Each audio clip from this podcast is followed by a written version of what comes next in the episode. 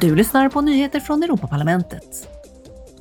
Imorgon ska utvecklings och miljöutskotten behandla parlamentets förslag till betänkande om genomförandet och uppnåendet av FNs mål för hållbar utveckling. Betänkandet ska bidra till EUs samlade insatser för att hållbarhetsmålen ska vara genomförda 2030. Halva tiden har nu gått sedan målen spikades och det är därför en viktig tidpunkt för EU att omsätta sina ambitioner i konkreta åtgärder. Imorgon ska EU-kommissionären Nicolas Schmidt, som har ansvar för arbete och sociala rättigheter, träffa parlamentets sysselsättningsutskott. Samtalet förväntas ge ledamöterna en uppdatering om ny lagstiftning och andra initiativ som nyligen lagts fram och som kommer att läggas fram av kommissionen under året.